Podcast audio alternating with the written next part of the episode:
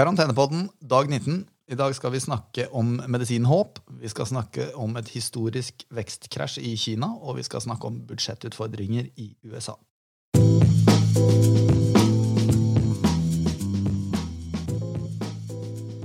Er du med meg, Kristian? Det er jeg. Hva er siste nytt eh, fra pandemien? Siste nytt er vel at uh, vi har hatt enkelte hiccups, som vi sier på Hamar, i forhold til den positive utviklingen som vi har sett i antall smittede og i antall nye dødsfall. Dvs. Si at uh, vi har uh, hatt en økning i, i vekstraten, spesielt på dødsfall siden i USA hvor det har blitt nådd en ny rekord i løpet av de siste døgnene. Men eh, gjennomgående antall som er innlagt på sykehus for behandling, eh, utviklingen der går fortsatt i riktig retning. Eh, USA har også revidert opp dødsraten, eh, den samlede dødsraten eh, etter noen endringer i kriterier. Men det viktigste nyheten på pandemifronten i dag er jo at det har kommet noen lovende resultater fra et forsøk på en medisin som heter Remdesivir. Som eh, har vist seg å ha noen eh, positive virkninger for de som har vært syke. Og det det er snakk om, er en rapport som har kommet ut, som viser til et, eh, en test som er gjort på 125 pasienter med covid-19, hvorav 113 av de var eh, ganske alvorlig syke. Og etter behandling med denne medisinen, så var det bare to av disse 125 som eh, døde, og resten hentet seg ganske raskt inn igjen. Det som likevel er litt sånn skummelt med tanke på å generalisere og konkludere for tidlig, det var at det var ingen kontrollgruppe i dette forsøket. Dvs. Si at det var ingen som mottok en placebobehandling. Eh, og Det gjør det noe vanskeligere å liksom definere hvorvidt det var medisin eller ikke som gjorde utslaget. Men det som helt klart er en viktig årsak til at markedene stiger så mye i dag, nok en gang til tross for bedrøvelige makrotall, det er jo at dersom denne medisinen faktisk eh, viser seg å kunne kommersialiseres, så er det ingen tvil om at det er en potensiell eh, game changer. For det betyr jo at eh, omfanget av sykdom og død definitivt vil kunne reduseres. Ja, Det må jo ikke forveksles med noen vaksine nå. Nei, det er ikke en eh, vaksine. Eh, og en vaksine er nok, som vi snakket om sist, eh, noe lenger ut i, i løypa. De mest optimistiske anslagene snakker om slutten av året, men mest sannsynlig skal vi inn i 2021 før vi får en vaksine som kan utnyttes til kommersielt bruk. Ja, det, vi, vi, får se på det. er det noe annet å melde på pandemien? Uh, ja, det, er jo forskjellige ting. Men uh, det, det, som for så vidt er, eh, er positivt, det er at både i Brasil, India, Tyrkia så er det tegn til at man også der har passert smittetoppen. Eh, og selv om det alltid er litt usikkerhet rundt statistikken som eh, kommer osv., så, videre, så er jo det altså et, eh, et ørlite positivt tegn. Ellers i Skandinavia så er det jo bedring i, i dødsratene både i Danmark, Norge og Finland, men dog ikke i ditt favorittland Sverige, hvor det er ny betraktelig økning i, dødsfall. Og han Tegnell, som det er eh, epidemiansvarlig i, i, i, Sverige, han eh, var jo intervjuet på Debatten på NRK i, i går. og virker i hvert fall å føle seg relativt komfortabel med, med, strategien. Og de mener jo overraskende nok at de kan oppnå en viss eh, flokkimmunitet i Stockholm allerede i mai. Så det var litt overraskende. Ja, det, det, jeg kan ikke skjønne annet enn at det må bli en ordentlig opp oppvaska etter det der. Det er snakk om uh, snart 1400 liv som har gått tapt. Da. Det er jo ganske brutalt. Ja, det er det. Definitivt. Men du nevnte offline her for meg at det var noen konspirasjonsteorier knytta til denne medisinen. Du har kanskje ikke fullt oversikt der, det er ikke ditt felt, men gi, oss, gi, oss, litt underholdning. Christian. Ja, underholdningen går jo på Jeg fulgte en tråd på, på Twitter eh, hvor eh, trådstarteren eh, sier at eh, dette er ikke ment for å starte en eh, konspirasjonsteori. Men det er noen observasjoner rundt denne nyheten om remdesivir som går ut på at kilden er visstnok en journalist som har vært innblandet i diverse litt sånn grums tidligere. Og det skal også visstnok da ha vært plassert ekstremt store posisjoner i Gilead-aksjen. og Det er da det selskapet som utvikler Remdesivir. Rett i forkant av at denne nyheten ble publisert av denne journalisten. Så jeg skal ikke konspirere noe mer enn det, men det høres i hvert fall veldig spennende ut. Nei, og Navnet til det legemiddelselskapet har vi jo snakka om før. La oss ikke gå inn på det. Du burde for øvrig se den videoen som er lagd av Trump, hvor han skal prøve å uttale navnet på denne medisinen. Det var i hvert fall langt over hans evne. Ja. Vi, vi, vi, hadde en, eh, vi, hadde en, Trump-runde på forrige bankers. Vi får la det ligge i dag. Ja, Vi får ta det igjen på mandag. Men uh, vi beveger oss over til markedet, Kristian.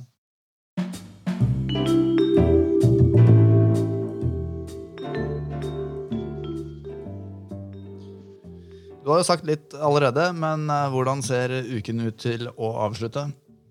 Ja, uken ser ut til å avslutte på en eh, high. Eh, det vil si at Oslo Børs er opp 2,5% i skrivende stund, over 3% i Europa. Og amerikanske futures på SMP-indeksen indikerer også at den kommer til å åpne opp over 3 dette er jo liksom uh, sign of the times. Det er historien vi har sett gjennom de siste tre ukene. egentlig, At uh, vi har fått ekstremt dårlig makro.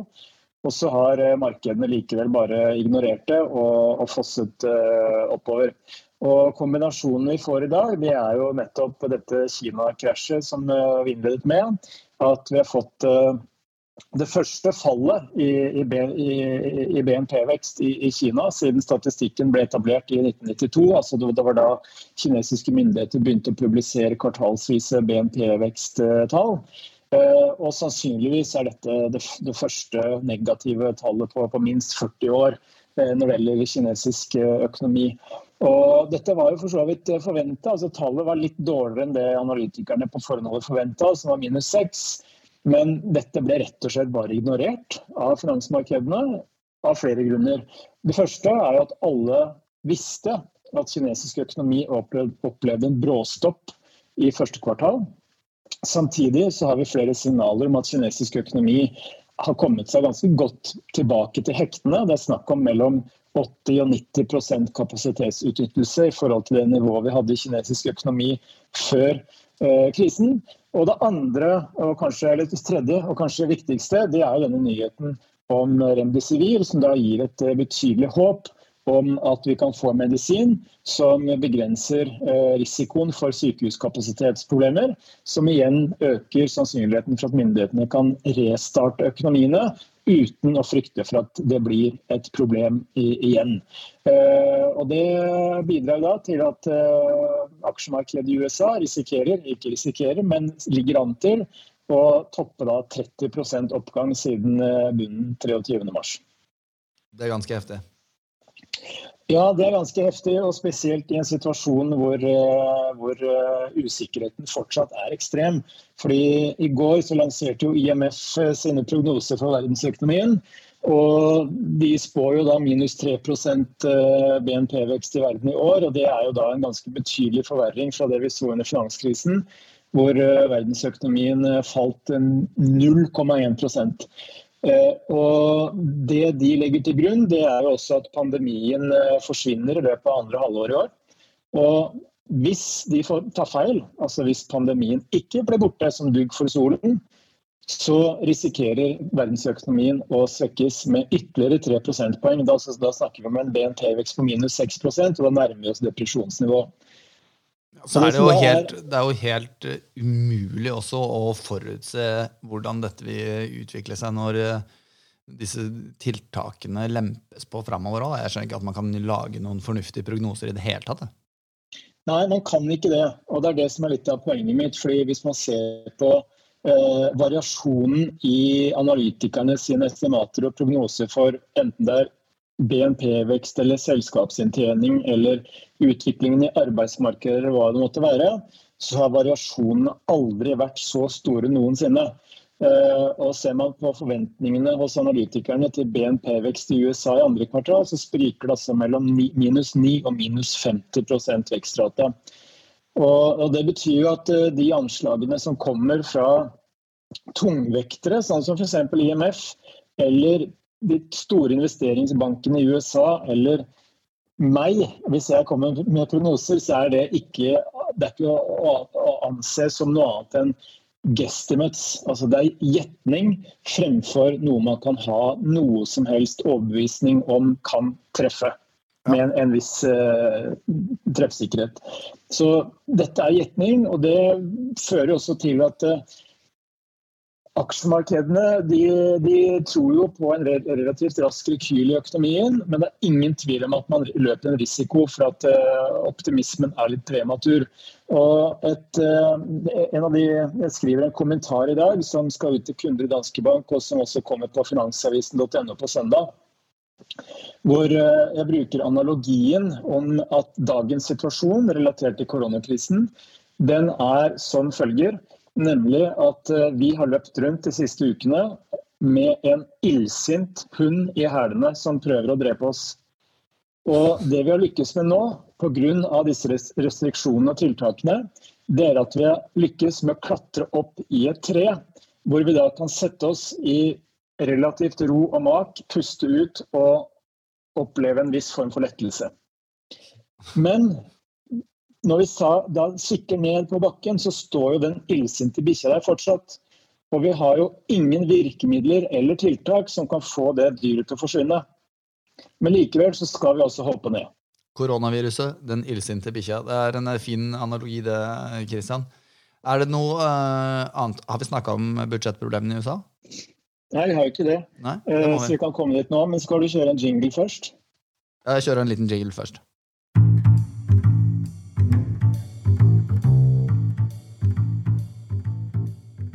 Hva skjer i USA, Kristian? det var en kul jingle. Jo, du vet jo at myndighetene rundt omkring i verden eh, pøser på med stimulanser. Altså, det er snakk om 8000 milliarder dollar, eh, smak på det tallet, i stimulanser for året 2020 som helhet i finanspolitikken.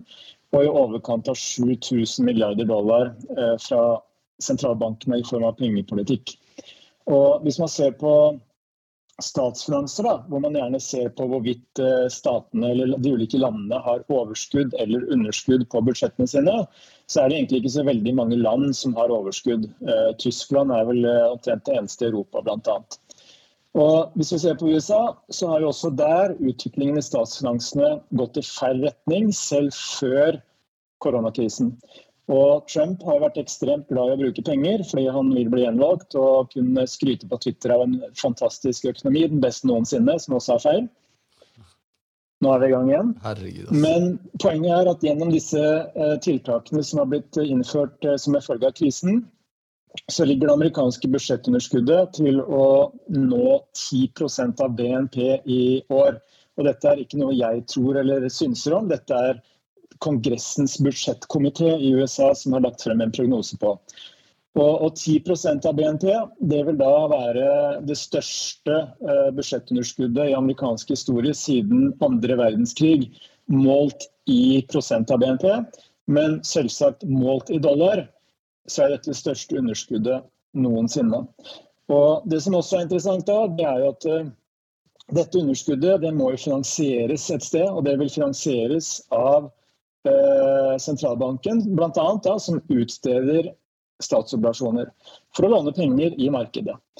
Og I 2020 så antas det da at eh, det vil beløpe seg til rundt 20% av BNP, altså det volumet som vil utstedes for å finansiere underskuddet, eh, er snakk om 20% av BNP. og Det er omtrent ti ganger så mye som gjennomsnittet de foregående månedene. Og da kommer vi også inn på en ganske interessant sak. fordi ikke bare må disse underskuddene etter hvert reduseres, og det er jo en negativ impuls til økonomien. Men når man har en så ekstrem oppbygging av gjelden også, for gjelden, gjeldsgraden vil også øke, den vil bikke over 100% av BNP for den amerikanske staten, så blir alle fullstendig avhengig av å holde rentene lave. Og hvem er det som kan sørge for å holde rentene lave? Jo, det er den amerikanske sentralbanken. Fordi det de da kan gjøre når de utsteder masse statsobligasjoner, det er at de kjøper dem sjøl. De kjøper dem opp i markedet, bidrar til å holde kursene på obligasjonene oppe og dermed de lange eh, rentene nede. Som de er avhengig av. Så dette blir en eh, morsom utvikling å følge med på, ikke bare når denne krisen er over, men også de årene etter krisen, hvor man da forhåpentligvis får en slags normalisering i økonomien, men hvor man da har en ganske betydelig ubalanse i statsfinansene, med store underskudd og veldig mye gjeld. Men det her må jo ha noen inflasjonsimplikasjoner også for statene fremover? Det er det store spørsmålet. Og enn så lenge, så lenge krisen pågår, så vil det sannsynligvis eh, være mer et deflasjonsproblem enn et inflasjonsproblem. Fordi etterspørselen rett og slett blir borte i økonomien. Men for å skape inflasjon så må vi gjerne ha en etterspørsel som overstiger tilbudet. Eh, og eller at prisene på innsatsfaktorer i næringslivet blir så uh, høy at prisene må flyttes over på konsumenter og de som kjøper varer og tjenester. Men det som da kan bli et inflasjonsproblem, det er jo hvis alle disse stimulansene som pågår nå, de bidrar til å stimulere etterspørselssiden i økonomien. Altså etterspørselen etter varer og tjenester blomstrer opp.